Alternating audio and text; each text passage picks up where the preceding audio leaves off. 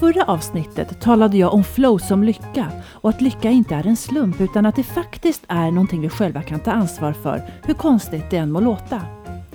Idag zoomar jag in på flow in action, det vill säga när vi blir så uppslukade av det vi gör och upplever så stor kontroll att aktiviteten känns ansträngningslös och väldigt meningsfull. Och det som vi upplever som meningsfullt tillför ju en form av lycka i våra liv. Alltså, mer flow, mer lycka. In action. Välkomna till Mind My Business, podden om välmående och balans i vardagen. Jag heter Ulrika Danneryd Gustafsson och jag arbetar som coach och föreläsare i vardagen. Ja, flow handlar om att bli medveten och använda sig av sina styrkor, våga utmana sig i stort eller smått i ett gott syfte med sig själv i sin omgivning. Kanske att göra lite rätt sak på rätt plats vid rätt tillfälle i samspel med omgivningen. Och när vi är i just samspel så är det något per definition som inte är statiskt. Det är ett arbete, en, en rörelse framåt. Det är något vi gör in action. Och flow är, precis som lycka, inte en slump. Det är något vi har gjort fram till det att vi upplever flow. Och vad är då den här upplevelsen? Man kan ju tycka att en upplevelse vilken som helst är personlig och så måste det få vara. Men upplevelsen av just flow har åtta gemensamma faktorer enligt Mihaili Csikszentmihalyi, ungersk professor i psykologi och grundare kan man väl säga till begreppet flow. Och han säger att när vi är i flow så har vi 1. Ja, vi har fullt fokus. Tydligt mål, vi är närvarande, superkoncentrerade. 100% fokus. Vi har också en inre klarhet. Det vill säga, vi vet vad som ska göras och hur det ska göras. Vi inte bara kan uppgiften, vi vet det. Vi behöver inte tänka efter. Det känns genomförbart. När vi är i flow så använder vi oss av våra färdigheter, vår förmåga, vår kompetens och den matchar uppgiften som vi har tagit oss an. Vi upplever också ett lugn. Man skulle kunna säga att vi upplever en avsaknad av rädsla. Och det är klart att om nu mitt fokus är 100% på utförandet så finns det ju inget utrymme kvar för misstro. Och när vi är i flow så har vi också en förändrad tidsuppfattning, tid. Och ni vet den där trevliga middagen när vi sitter runt bordet och plötsligt säger en av oss att Nej, vet ni vad? Vet ni hur länge vi har suttit här? Nej, säger alla. Jo, det ska jag säga. Vi har suttit här i sex timmar. Va? Har vi? säger alla andra. Ja, det har vi. När vi är i flow, oavsett, så får vi en förändrad tidsuppfattning. Vi får också en inre motivation, det vill säga att vi gör saken för sakens skull. Vi blir, skulle man kunna säga, självmotiverande. Det finns ett fint ord som är autotelisk, det vill säga att vi blir vår egen lösning. Vi har en stark inre motivation. Vi upplever också en form av extas, det vill säga en upprymdhet, exalterad, där vi känner ett, ett rus. Och sist men definitivt inte minst och kanske mest intressant tycker jag, det är att medvetande och handling är ett när vi är i flow. Eh, jag var med familjen på fotboll i söndags och vid ett speciellt tillfälle så lyfter en av spelarna klädd i svart och gult på foten i en till synes omotiverad och udda ställning och trott eller ej, sekunder senare så kommer den vite blåklädde motståndarens boll precis där på foten och jag tänker att det finns inte en tanke eller reflektion i världen som är så medvetet snabb. När medvetande och handling blir ett så är det simultant. Spelaren visste och kände precis var bollen skulle komma och såg till att vara där. Alltså i idrott så blir det här med flow så väldigt tydligt. En mycket intressant forskare vid namn Fredrik Ullén, som för övrigt samarbetar med Mihaly Csikszentmihalyi, han har forskat om ett samband mellan hjärnans system för signalsubstansens dopamin och upplevelsen av flow. Och dopamin, ja det utsöndras delvis för att vi ska kunna skilja ut information, alltså uppmärksamma det väsentliga och ignorera det övriga. Det här är bra, det här är inte bra. Det här är viktigt nu, det där får vänta. Och I hans forskning så har de sett att de människor som är flowbenägna har högre täthet av de dopaminreceptorer som samspelar med hjärnbarken i just planering och kontroll av beteende. Vad betyder det då? Jo, det betyder att de har större impulskontroll, alltså lägre impulsivitet, vilket i sin tur är bra för flow, förmåga till fokus. Så vill vi hjälpa oss själva att hitta mer flow så, ja, sätt upp mål i stort och i smått. Till och med en vanlig aktivitetslista kan fungera bra. Du vet, du mår bra när du har tickat av alla stegen. För det handlar ju egentligen om att hjälpa sig själv att hålla fokus, prioritet. Att göra aktiviteten tydlig. Dit ska jag, så här gör jag på vägen, en sak i taget. Och det intressanta är att ju mer du koncentrerar dig, desto mer utsöndras dopamin. Lite gott för det gott skulle man kunna säga. Man har även sett fysiologiska förändringar när vi är i flow. Pulsen går upp, kroppen hålls alert och energifylld. Och andningen, ja, den går ner och blir djupare på samma sätt som när man mediterar. Jag tänker lite till skillnad från en mental ansträngning när vi blir stressade och vår andning hamnar högt upp i bröstkorgen. Och vid det här laget har ni säkert räknat ut att det finns spännande forskning och jättemycket forskning som visar på samband mellan flow och en känsla av just livskvalitet. Alltså flow och lycka. Ett liv av flow känns ju meningsfullt och kan kopplas till känslor av hälsa och välbefinnande och ja, självförtroende. Ja, så hur gör vi allt det här då? Jo, flow in action. Lycka av att klara av något, lycka av att klara en utmaning, något vi har bestämt oss för att göra. Och då är det ju så här att flow kräver vilja. För det är ju ingen annan som kan ge oss vår flow-upplevelse. Det är jag som är ansvarig för min och du som sitter inne på dina nycklar till flow. Och det är ju det som är så bra för vi tar tillbaka kraften.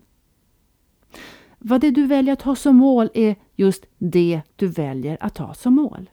För vi har ju alla olika och behöver olika utmaningar. Nyckeln, ja, det är balansen mellan utmaning och din förmåga. Så låt mig lotsa er igenom cykeln till flow. Tänk dig att du är i en situation där det inte finns någon som helst utmaning och där du själv inte har någon större kunskap eller förmåga att påverka aktiviteten eller din situation. Du kan inget och det finns inget att göra.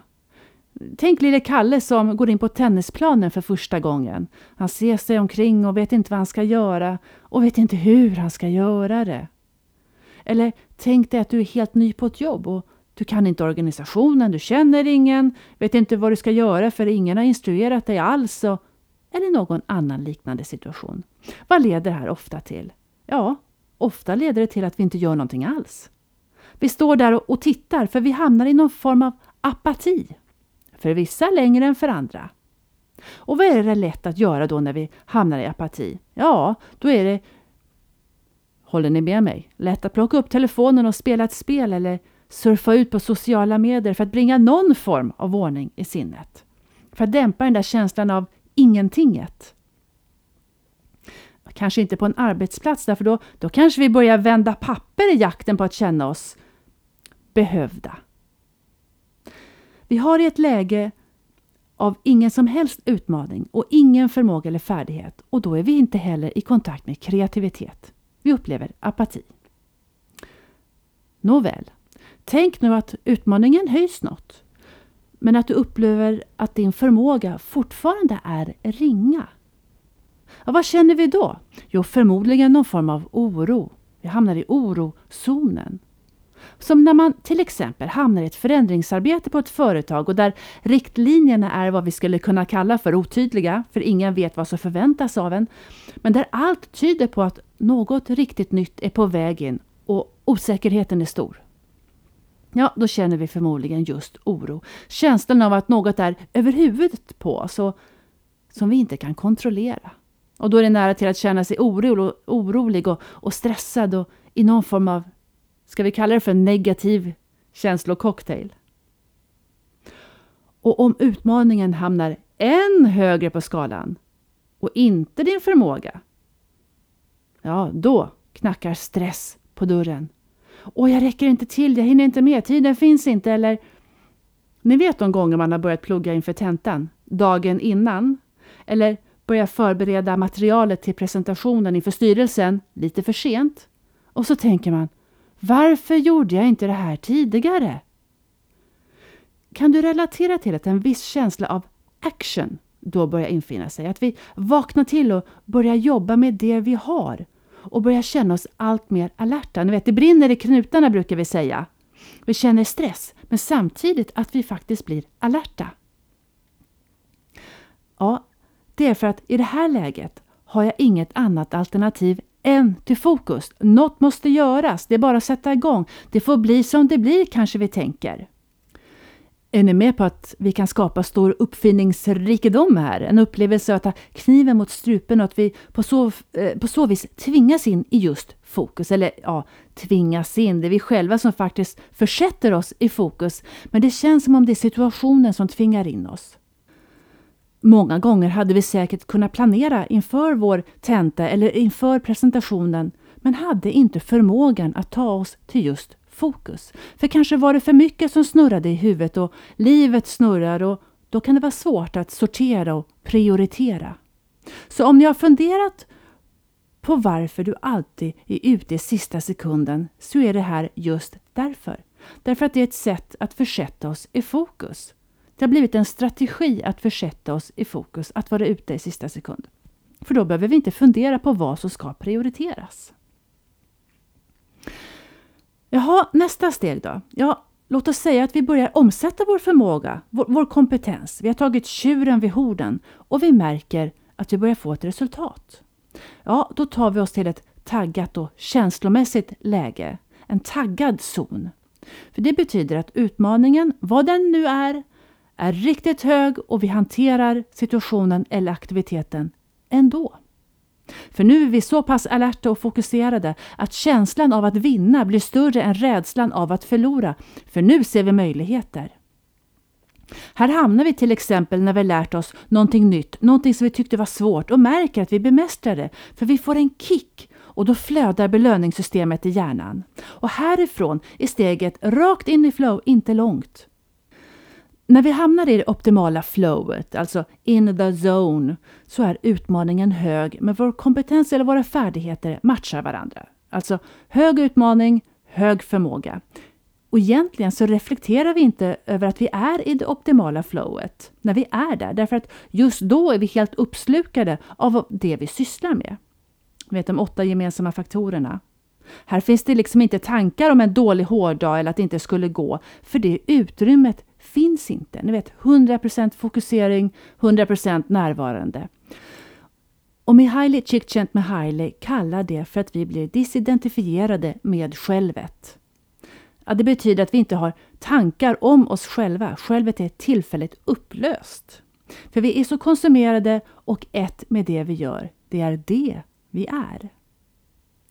Vi kan alltså hamna i flow när vi gör något som vi upplever att vi är riktigt bra på. Och det är något vi är riktigt bra på.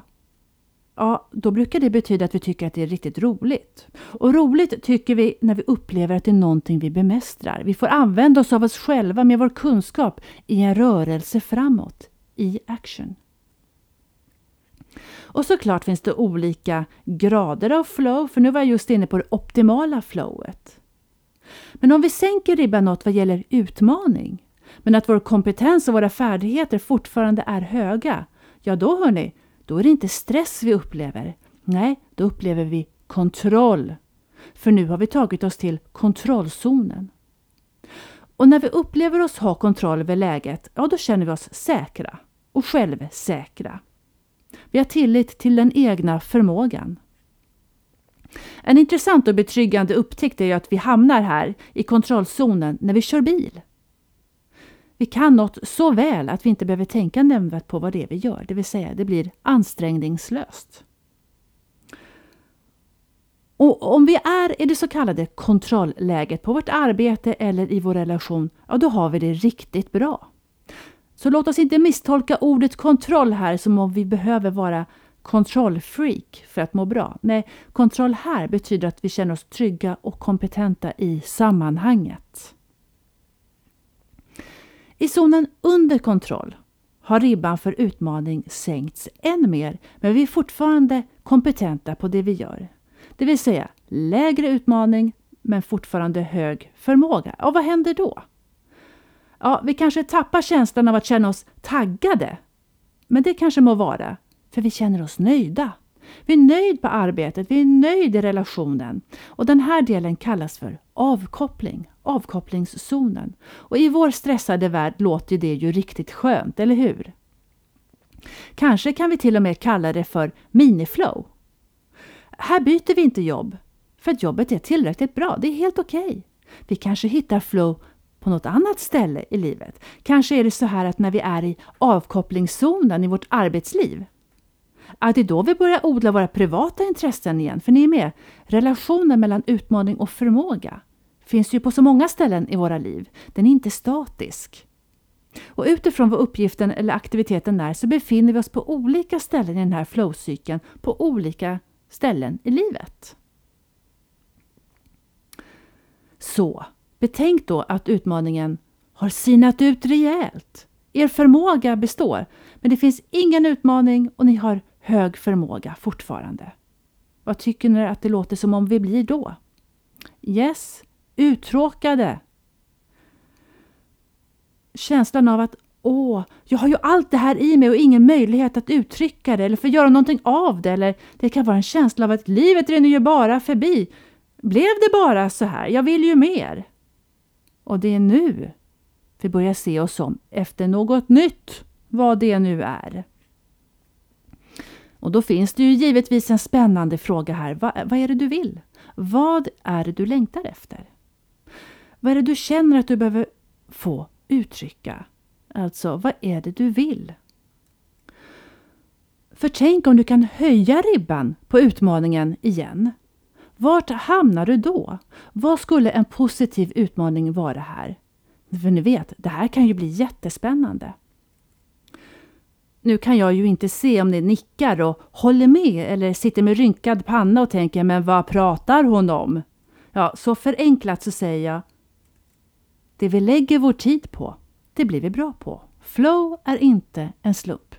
Det är ett arbete och en ansträngning vi lagt in på vägen. Ni med? Flow är inte en slump.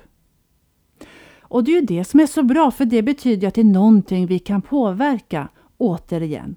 Det kräver ett tydligt mål dock, vad det nu än må vara. Och även om jag pratar ofta om att vi når flow i ett agerande eller i en prestation, det vill säga in action, så vågar jag påstå att munkarna hittar sin flow i meditationen. Att vi hittar vårt flow även i stillhet, i känslan, i varandet. Men även flow i stillhet har ju krävt ett arbete och ett engagemang. Vi sätter oss ju inte bara ner på rumpan och deklarerar att jaha, då är det väl någon annans jobb att försätta mig i flow. Det hade ju varit bekvämt. Men nej, det fungerar ju inte så. I vardagen så tycker jag att flow handlar om att så ofta som möjligt försöka ge sig själv minikickar. Att observera, registrera och adressera det vi har gjort bra. Och påminna oss och påminna oss och påminna oss. För motsatsen, ja, det klarar vi ofta galant. Det är kul att nå mål. Ja, men det är ju sällan någon gråter och känner sig missnöjd när vi har klarat av det vi sa att vi skulle klara av. Till och med en sån enkel sak som har checkat av alla punkter på att göra-listan. Det är inte trist. Det händer för mycket och roligt i kroppen för att det ska kännas trist.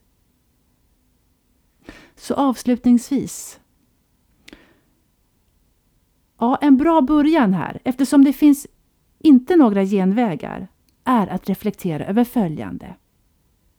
1. Vad är du bra på? Vad tycker du är roligt? Och här behöver ni tänka brett, för det är inte alltid det som kan tyckas bara vara det självklara som du faktiskt är bra på. Det finns mer. Vad är det du egentligen är bra på? Vad är det du egentligen gör när du mår bra? Nummer två. Ja, sätt upp ett mål. Inte minst för att hjälpa dig att hålla fokus och ha impulskontroll. Ja, men hjälp hjärnan hjälpa dig. Och nummer tre. Hitta din vilja, det vill säga hitta ditt varför och kör! Ja, flow handlar om att bli medveten och använda sig av sina styrkor och våga utmana sig i stort eller i smått i ett gott syfte med sig själv och i sitt samspel med omgivningen. För flow gör livet meningsfullt. Och det som är meningsfullt upplever vi som lycka. Så låt oss sätta igång och skaffa oss lite flow in action. Stort och varmt tack för att ni lyssnade. Och tyckte ni om det? Ja men likea, dela eller lyssna igen nästa gång. Tills dess, ha det så bra. Hej!